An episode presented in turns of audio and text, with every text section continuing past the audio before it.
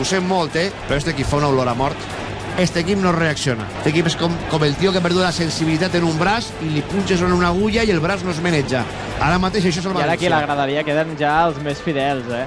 És que si n'hi havia 15.000 que no arribava, No, que n'hi deu haver-hi 5, 14.155. 6.000, 7.000, potser ha marxat la meitat de la gent, eh? Sí, sí, sí.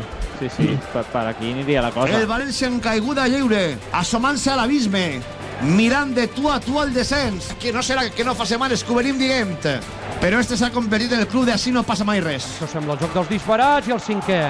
Increïble. Aquesta jugada resumeix perfectament el partit d'avui de l'Espanyol. No sé com explicar-la. Hi ha hagut tantes errades a l'interior de l'àrea, hi ha hagut tantes pífies, si se'm permet l'expressió i parlant en plata, hi ha hagut tantes cagades que no sé com explicar el cinquè gol que ha fet la Reial. Desastre de València, eh? Quin equip. És que este equip ja no convida. L'altre dia en Barcelona era indignació. És que avui no convida ni indignar-se. És que ja és... Altra falta de Zaibo, És que eh? Zaibo està jugant que el tiren al carrer. I l'únic que no el veu És el tècnic.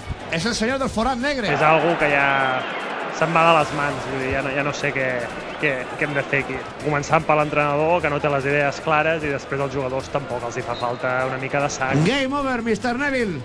Game over. La seva etapa està finiquitada. I el que és pitjor, el València està mort, que se'n va de cap a segona divisió en esta dinàmica. Final del partit, crits, mocadors, amb els pocs seguidors que quedaven, l'Espanyol ha perdut 0 a 5 en un dels pitjors espectacles, si es pot dir així, entre cometes, que recordo jo de fa molts anys.